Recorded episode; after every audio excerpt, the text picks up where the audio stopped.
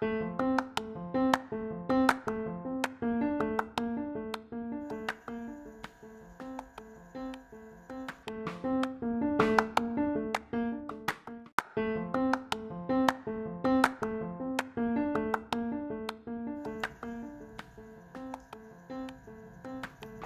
selamat malam.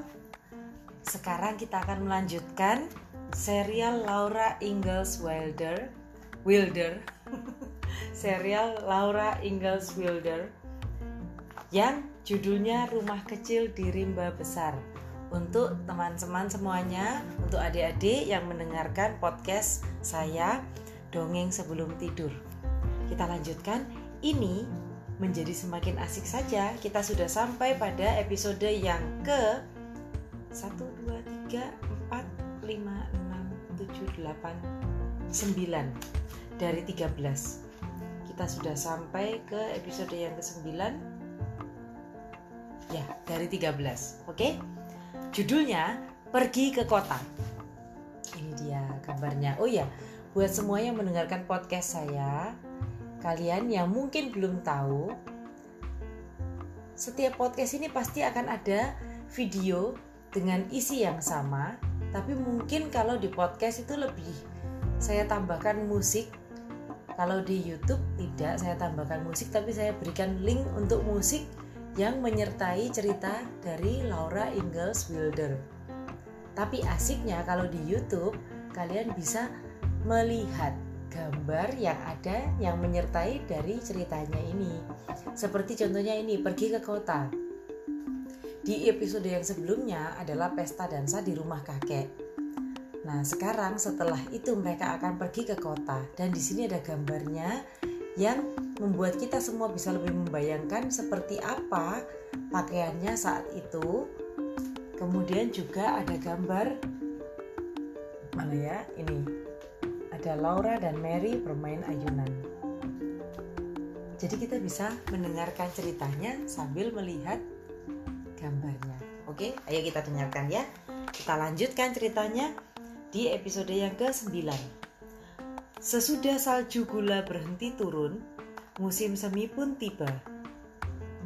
Oh ya, anak-anak sudah siap di posisi masing-masing untuk siap-siap tidur? Kalau belum, saya kasih kesempatan untuk siap-siap tidur duduk di posisi masing-masing mungkin melakukan apa yang diperlukan kemudian saya akan mulai membacakan sambil gitu jangan lupa YouTube channel saya dengan nama Ellen Anastasia kalian bisa subscribe dan pencet tombol lonceng untuk mendapatkan update video-video yang terbaru dan ada banyak isinya bukan hanya dongeng sebelum tidur saja kemudian kalian jangan lupa like, share, dan komen karena berbagi itu menyenangkan. Oke, sudah siap semuanya? Kita mulai lagi ya. Pergi ke kota. Sesudah salju gula berhenti turun, musim semi pun tiba. Burung-burung bernyanyi di semak-semak yang mulai berdaun di sepanjang pagar. Rumput mulai menghijau dan hutan penuh dengan bunga-bunga liar.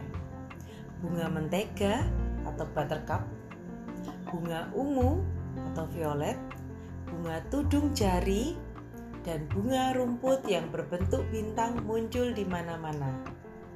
Segera setelah hari terasa hangat, Laura dan Mary minta agar diperkenankan berlari-lari dengan kaki telanjang di halaman belakang dan di sekitar tumpuan kayu. Hari berikutnya, mereka boleh lari lebih jauh, dan tidak lama kemudian sepatu-sepatu mereka diminyai untuk disimpan.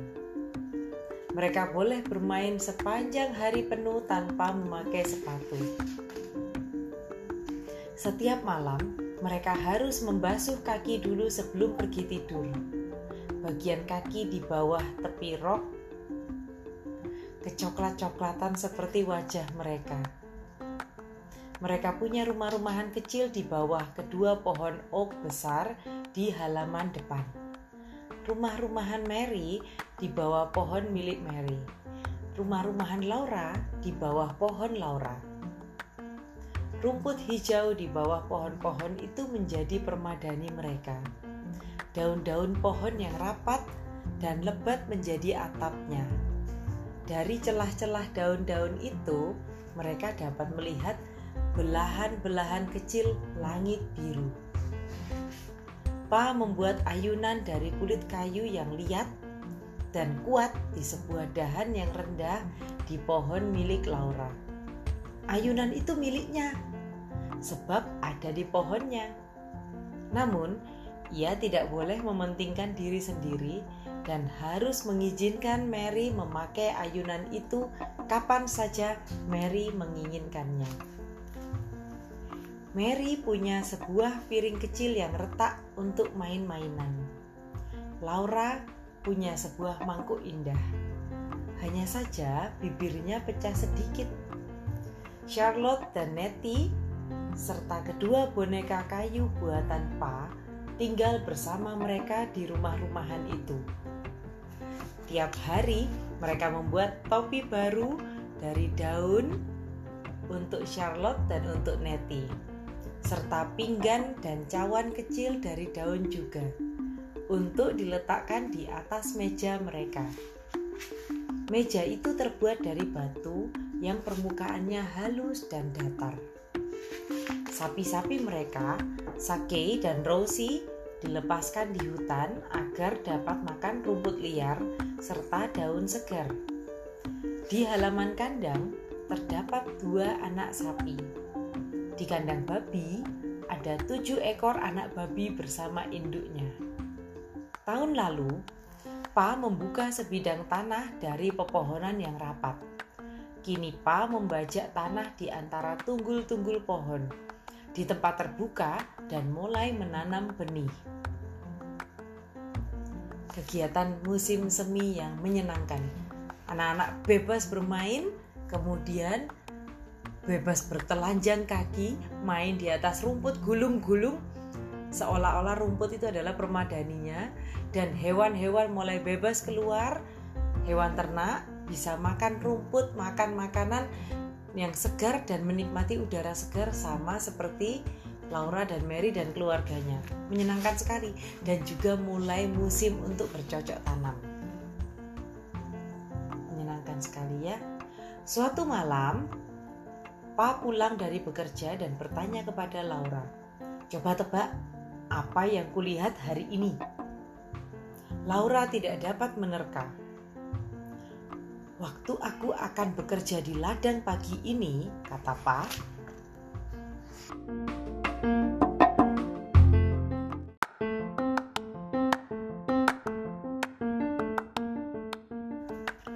Oke, kita lanjutkan ya.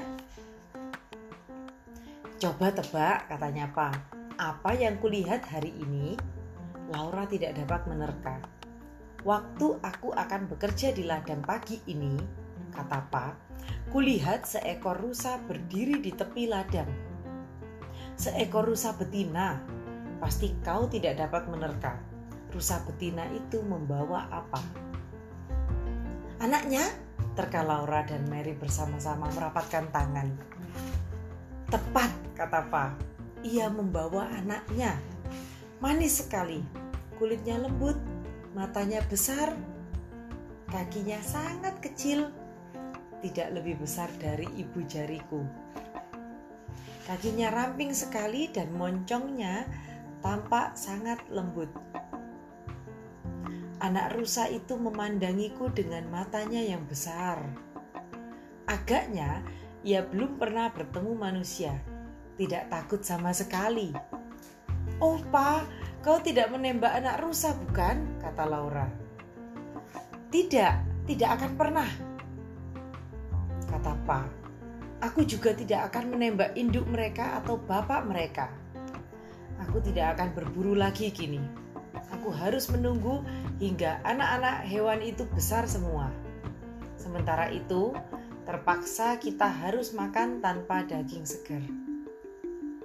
Kata Pa, begitu selesai menanam, ia akan mengajak mereka semua ke kota. Laura dan Mary boleh ikut juga. Kini mereka telah cukup besar. Kedua anak itu sangat senang. Hari berikutnya, mereka bermain pura-pura pergi ke kota. Mereka tidak dapat memainkan khayalan itu dengan baik sebab mereka belum tahu secara pasti seperti apakah kota itu, mereka hanya tahu bahwa di kota ada toko. Namun, mereka belum pernah melihat toko. Hampir setiap hari setelah Pa memberitahukan rencana pergi ke kota, Charlotte dan Nettie selalu bertanya apakah mereka boleh ikut. Hmm, kalian harus tahu ya bahwa Charlotte dan Nettie adalah boneka. Jadi itu pura-puranya Laura saja ceritanya ya. Oke, kita lanjutkan. Laura dan Mary selalu menjawab dengan berkata, "Tidak sayang, kau tidak boleh ikut tahun ini." Mungkin tahun depan, bila kalian tidak nakal, kalian boleh ikut. Kemudian, suatu malam Pa berkata, "Besok pagi kita berangkat ke kota." Malam itu, walaupun bukan hari Sabtu, Ma memandikan Laura dan Mary hingga benar-benar bersih. Ia juga mengeriting rambut mereka. Mula-mula rambut Laura dan Mary dibagi-bagi menjadi beberapa jalur. Jadi rambutnya mulai dirapikan karena besok ke kota. Tiap jalur disisir dengan sisir basah dan digulung pada secari kain. Kepala mereka jadi penuh gumpalan-gumpalan kecil yang terasa sangat mengganggu ketika dibawa tidur. Keesokan paginya, rambut mereka akan menjadi bergulung-gulung indah. Kalian bisa bayangkan, ini seperti anak-anak kecil waktu diajak pergi ke salon untuk rambutnya digulung-gulung. Mereka begitu gembira sehingga tidak dapat segera tertidur. Malam itu, Ma juga tidak menjahit seperti biasa ia mempersiapkan segala sesuatu agar besok pagi dapat sarapan dengan cepat. Ia juga harus menyediakan kaos-kaos kaki terbaik, rok dalam dan gaun-gaun anak-anak, kemeja pa yang bagus, serta gaunnya sendiri, gaun belaju kembang dengan gambar bunga-bunga ungu berlatar belakang coklat tua saya bisa bayangkan cantik sekali pasti gaunnya Ma itu. Oke kita lanjutkan ya anak-anak. Hari-hari di musim semi itu bertambah panjang. Sebelum sarapan selesai Ma telah meniup lampu hingga padam. Gitu. Pagi yang cerah dan indah telah tiba. Ma menyuruh Laura dan Mary cepat-cepat menyelesaikan sarapan mereka. Mencuci piring pun dilakukan cepat-cepat. Sementara Ma merapikan tempat tidur, anak-anak memakai kaos kaki dan sepatu.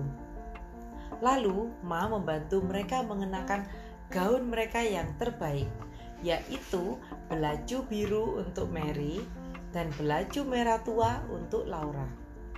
Mary mengancingkan kancing belakang gaun Laura. Ma mengancingkan kancing belakang gaun Mary. Ma membuka gulungan-gulungan kecil pada rambut mereka dan menyisirinya menjadi gelombang panjang yang terurai sampai bahu. Rambut Mary berwarna kuning emas, cantik sekali. Rambut Laura berwarna coklat tanah. Selesai merapikan rambut, Ma memasang topi kerudung mereka, mengikat talinya di bawah dagu, Ma menyematkan bros emas di leher bajunya dan memakai topi ketika Pa menggiring kuda-kuda gerobak ke depan pintu pagar. Pa telah memandikan kuda-kuda itu serta menggosok bulu mereka hingga mengkilap. Gerobak juga sudah dibersihkan. Selembar selimut ditutupkan pada tempat duduk di depan. Ma dengan memangku Carrie duduk di depan di samping Pa. Laura dan Mary duduk pada sebuah papan yang dipasang melintang di belakang. Mereka gembira sekali ketika gerobak mulai berjalan menembus hutan musim semi. Carrie tertawa dan melonjak-lonjak. Ma tersenyum dan Pa bersiul-siul sambil mengendalikan kuda. Matahari cerah dan hangat Bau yang harum segar terpancar dari tumbuh-tumbuhan di hutan. Sekali-sekali muncul seekor kelinci berdiri menghadang di tengah jalan, kaki depan diangkat, hidungnya mencium-cium udara. Matahari bersinar menembus telinga mereka yang panjang dan tipis. Namun, kelinci-kelinci itu segera lenyap dalam sekejap.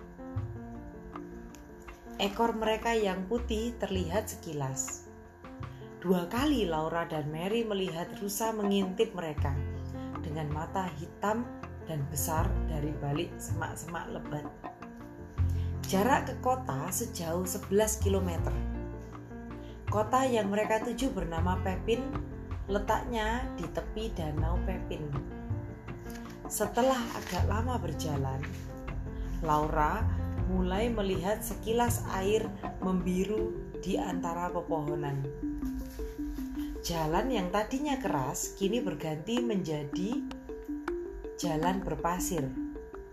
Roda gerobak terbenam ke dalam pasir dan kuda-kuda terpaksa mengerahkan tenaga untuk menariknya.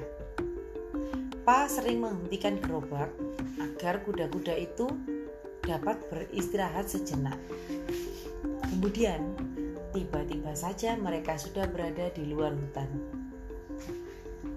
Laura melihat danau. Biru sebiru langit.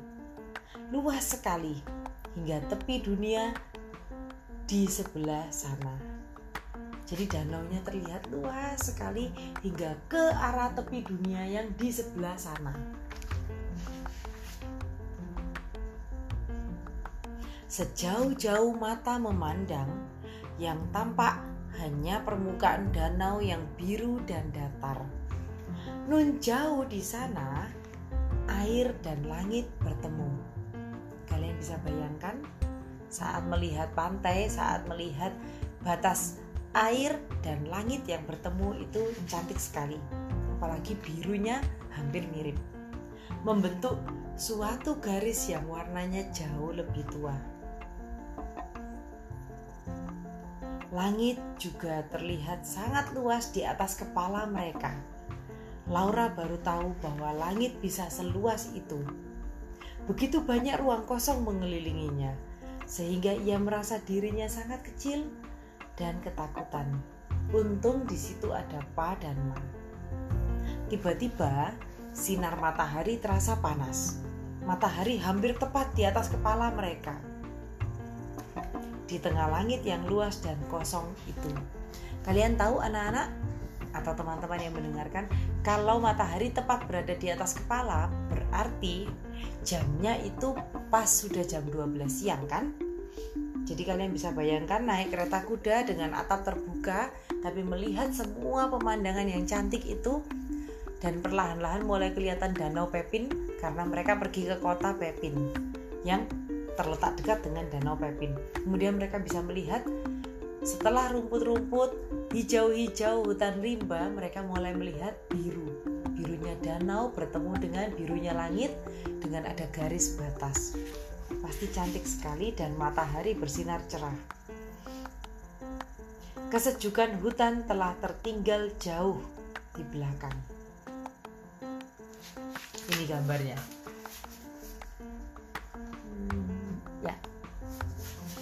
Saya pegang dari sebaliknya kalau begitu. Nah, ini gambarnya agak di bawah. Nah, kalian lihat ini Danau Pepin yang diceritakan dan ini adalah garis batas yang tadi diceritakan Laura antara langit dan danau yang bertemu. Cantik ya. Ini adalah pemandangan yang sangat bagus saat mereka perjalanan menuju ke kota Pepin.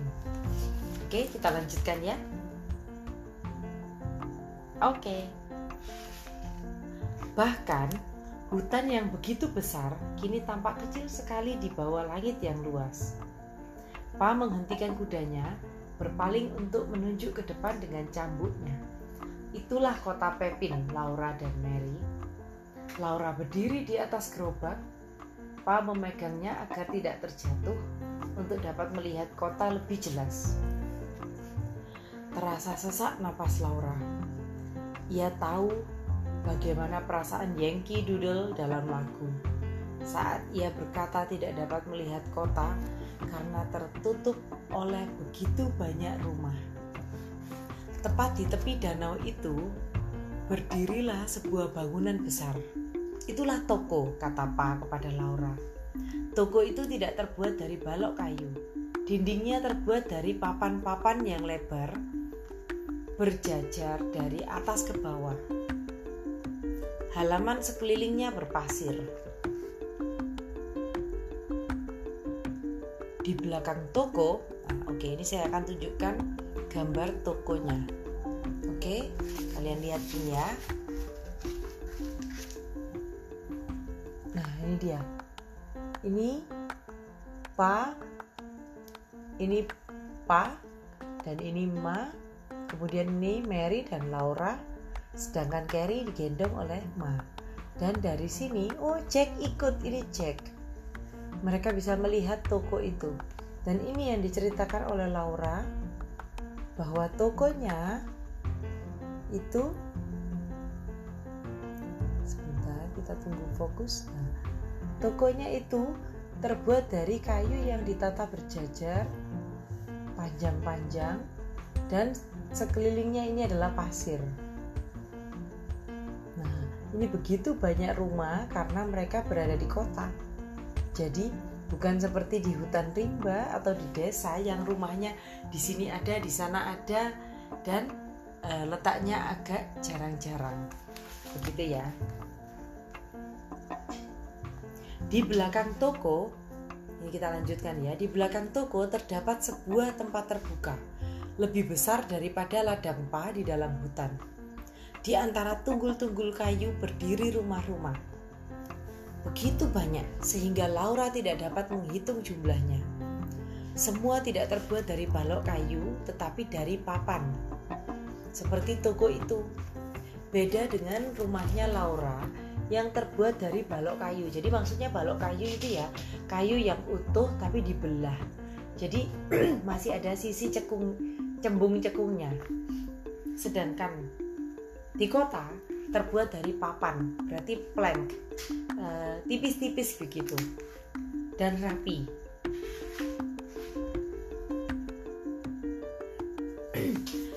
Semua rumah tidak terbuat dari balok kayu, tetapi dari papan, seperti toko itu.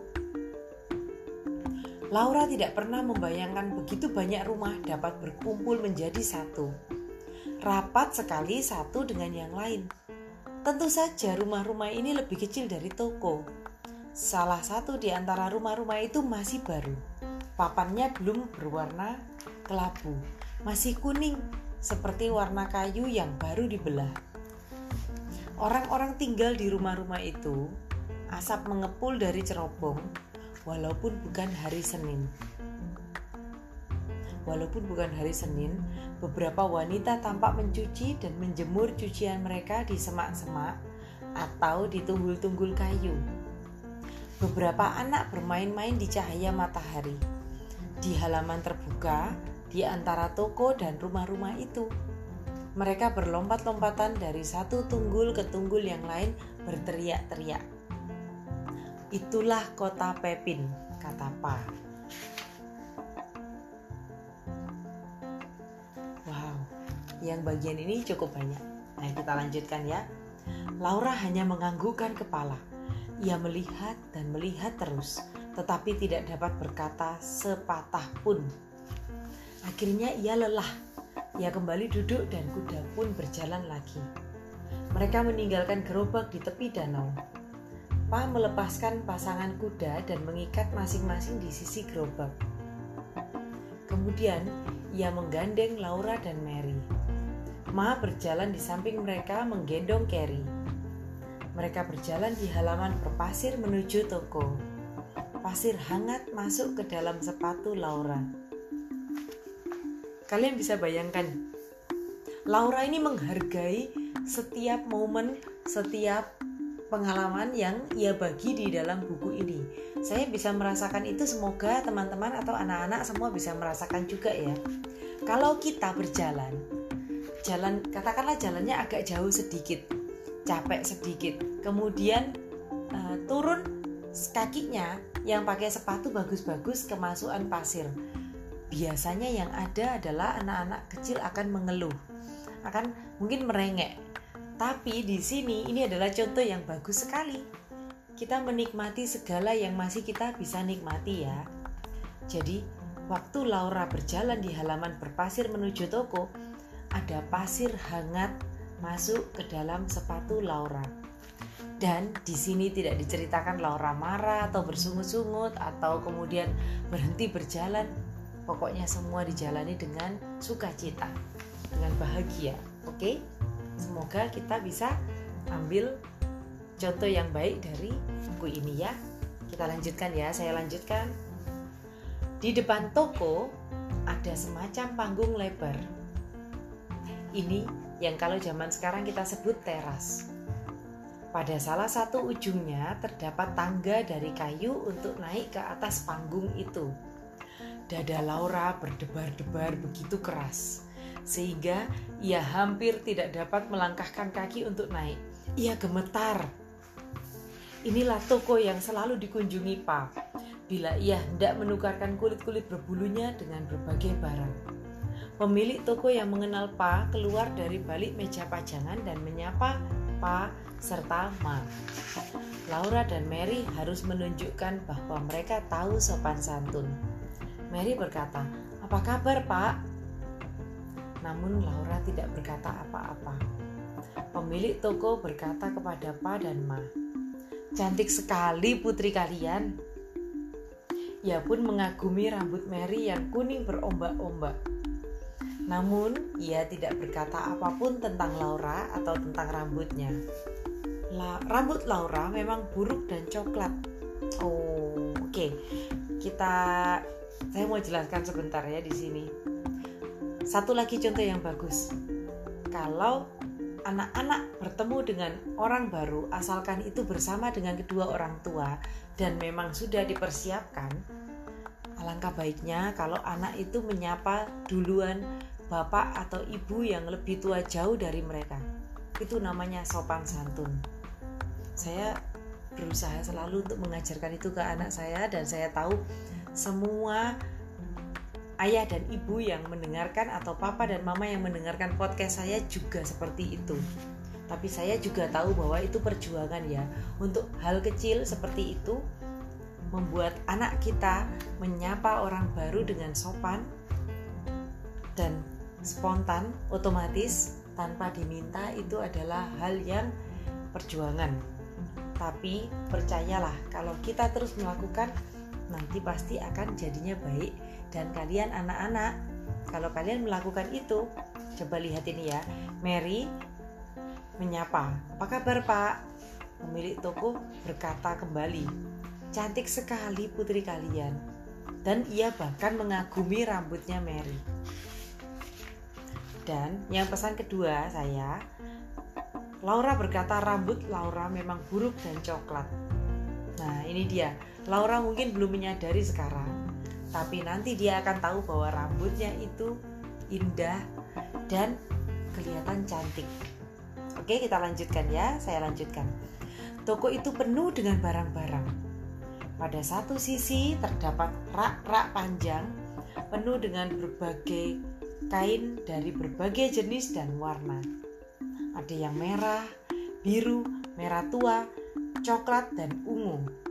Di lantai, sepanjang sisi meja panjang, terdapat tong-tong berisi paku, peluru, serta ember-ember kayu yang besar berisi kembang gula. Kemudian terdapat berkarung-karung garam dan gula toko. Di tengah ruangan toko terdapat sebuah bajak. Kayunya mengkilap, giginya cemerlang. Kan bajak itu ya untuk menggaruk tanah. Ada kepala kapak dari baja. Kepala palu, gergaji, berbagai pisau berburu, berbagai pisau untuk berburu, pisau untuk menguliti binatang, pisau jagal, dan pisau lipat.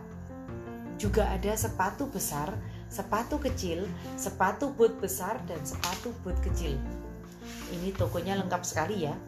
Rasanya diperlukan waktu berminggu-minggu untuk dapat melihat seluruh barang yang ada di dalam toko itu. Laura baru tahu bahwa di dunia ini terdapat begitu banyak barang. Pa dan Ma tawar-menawar, lama sekali. Pemilik toko menurunkan kain-kain belacu kembang gulungan. Oh, maaf. Pemilik toko menurunkan kain-kain belacu kembang gulungan demi gulungan yang cantik-cantik.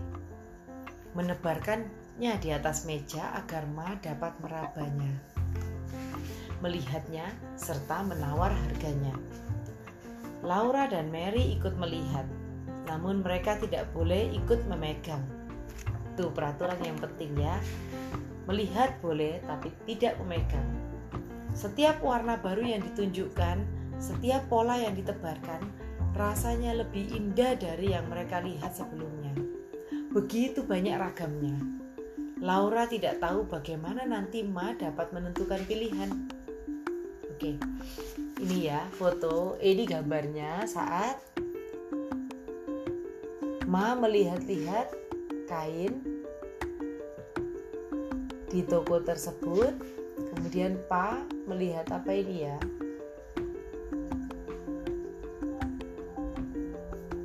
Seperti pita,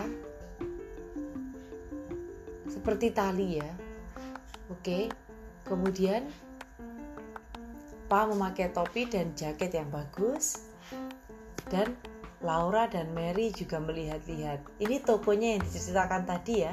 Ada garam di sini, ada ini tong-tong yang besar yang berisi kembang gula kemudian ada alat-alat untuk berkebun dan alat untuk di dapur.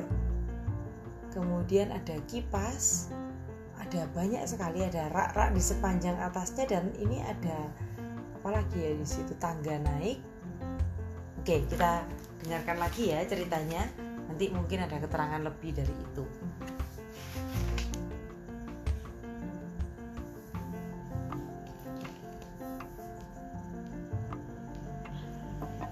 sampai pada saat Ma memilih kain. Ma memilih dua pola kain belaju kembang untuk dijadikan kemeja Pa. Sepotong kain denim coklat untuk jaket dan beberapa kain putih untuk dibuat pakaian dalam dan spray. Pa membelikan Ma sepotong kain belaju kembang untuk dijadikan celemek. Oh tidak Charles, kata Ma ini toh tidak perlu benar. Namun Pa tertawa dan berkata Ma harus memilih pola yang bagus. Kalau tidak, ia akan mengambil yang warnanya merah seperti kalkun dengan gambar berwarna kuning. Ma tersenyum, pipinya merah jambu. Akhirnya, ia memilih kain yang berwarna coklat muda dengan gambar sekuntum mawar dengan daunnya. Saya bayangkan cantik sekali itu pasti ya. Pa membeli sepasang sepatu luar dari karet dan sedikit tembakau untuk pipanya. Ma membeli teh serta sebungkus kecil gula toko untuk dihidangkan bila ada tamu. Warna gula itu coklat muda, tidak coklat tua seperti gula maple yang biasa digunakan Ma setiap hari. Setelah semua tukar menukar selesai, pemilik toko memberi Laura dan Mary masing-masing sebuah kembang gula. Kedua anak itu heran sekali dan juga merasa sangat senang. Untuk beberapa saat, mereka hanya melongo melihat kembang gula itu. Kemudian Mary teringat dan berkata, "Terima kasih." Gitu katanya ya. Laura tidak bisa bersuara semua menantikannya, tetapi mulutnya terkatup. Ma terpaksa berkata, "Kau harus bilang apa, Laura?" Laura membuka mulut, menelan ludah, dan berbisik, "Makasih." Mungkin Laura di sini saking kagetnya dan terpukaunya melihat toko pertama kalinya, jadi Anak kecil yang polos ini sampai tidak bisa berkata apa-apa. Kemudian mereka semua meninggalkan toko itu. Kedua kembang gula mereka berwarna putih, gepeng dan berbentuk jantung. Oh, putih, gepeng dan berbentuk jantung. Saya jadi ingat permen yang bentuknya heart shape gitu, uh, bentuknya hati dan warnanya putih juga gepeng. Kalau kalian tahu permen uh, yang terkenal namanya permen menta. Oke, kita lanjutkan ya. Pada kembang gula itu terdapat tulisan, berarti besar ya kembang gulanya. Ma membacakan untuk mereka. Pada kembang gula Mary tertulis bunga mawar merah, bunga ungu biru. Gula manis rasanya, kau pun juga. Ini pepatah lama. Roses are red, violets are blue. Sugar is sweet, and so do you. gitu. Kira-kira kalau saya terjemahkan ya. Sedangkan pada kembang gula Laura hanya tertulis yang manis untuk si manis. Besar kedua kembang gula itu sama. Tulisan pada kembang gula Laura lebih besar daripada tulisan pada kembang gula Mary. Mereka menyeberangi halaman berpasir ke tempat gerobak mereka di tepi pantai. Pa memberi makan kuda-kuda dengan sejenis gandum di lantai gerobak. Ma membuka bekal makanan. Nah, ini waktunya mereka makan. Makan siang ya. Mereka semua duduk di pasir dekat gerobak.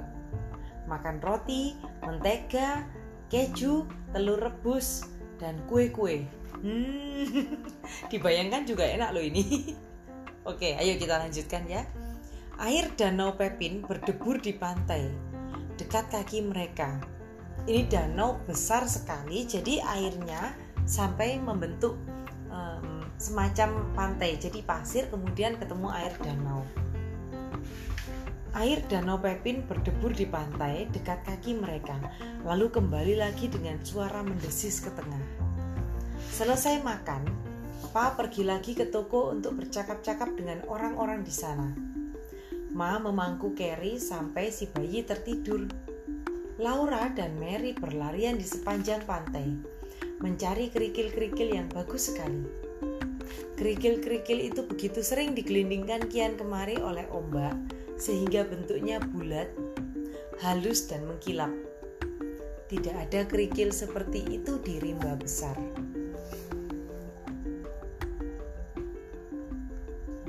Kita lanjutkan ya. Setiap kali Laura menemukan sebutir kerikil yang indah, ia menaruhnya di dalam kantong gaunnya. Begitu banyak yang ditemukannya, sehingga kantong itu sangat penuh. Kemudian terdengar Pa memanggil.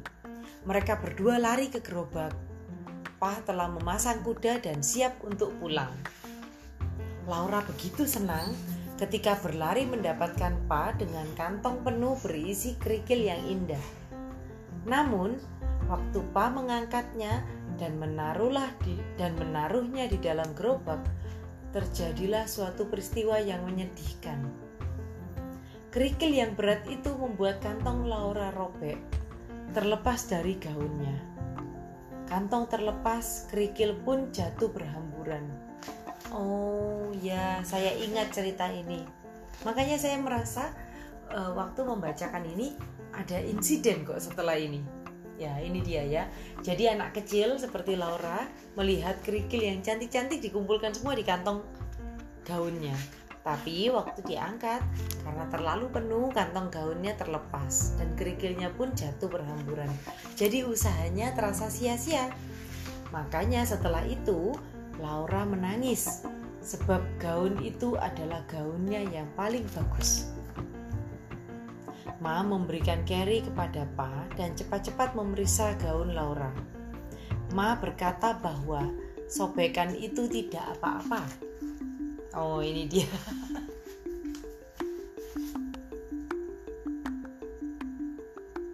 Ini dia Laura yang nangis Karena gaunnya sobek kantongnya.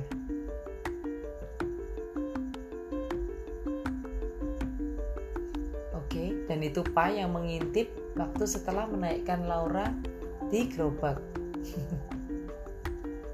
Laura gadis kecil yang menangis karena kerikilnya jatuh. Oke, kita lanjutkan ya. Berhenti menangis, Laura, kata Ma. Aku dapat membetulkannya. Ma menunjukkan bahwa sebenarnya baik gaun maupun kantongnya tidak robek, hanya jahitannya yang terlepas. Ma dapat menjahitkan kantong itu kembali ke gaun Laura seperti sedia kala. Ambil kerikil-kerikil itu Laura, kata Ma. Lain kali jangan terlalu serakah. Laura mengumpulkan kerikilnya, memasukkan semua ke kantong yang terlepas tadi dan memangku kantong tersebut. Laura tidak merasa sakit hati kepada Pa yang tertawa melihat keserakahannya mengambil kerikil lebih banyak daripada yang dapat dibawanya.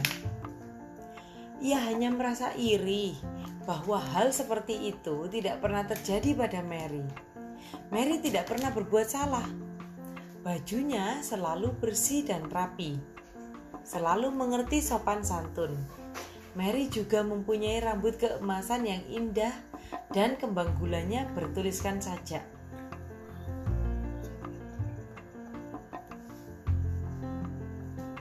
Duduk sini, Ta.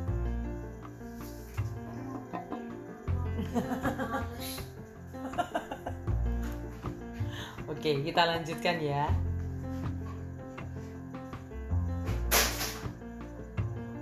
Sampai mana tadi? Oh iya, Laura merasa Mary ini selalu lebih sempurna lebih cantik, rambutnya lebih cantik, kemudian lebih sopan, lebih mengerti tata krama, kemudian eh, Bajunya selalu bersih dan rapi. Mungkin Laura belum melihat saja kualitas dirinya.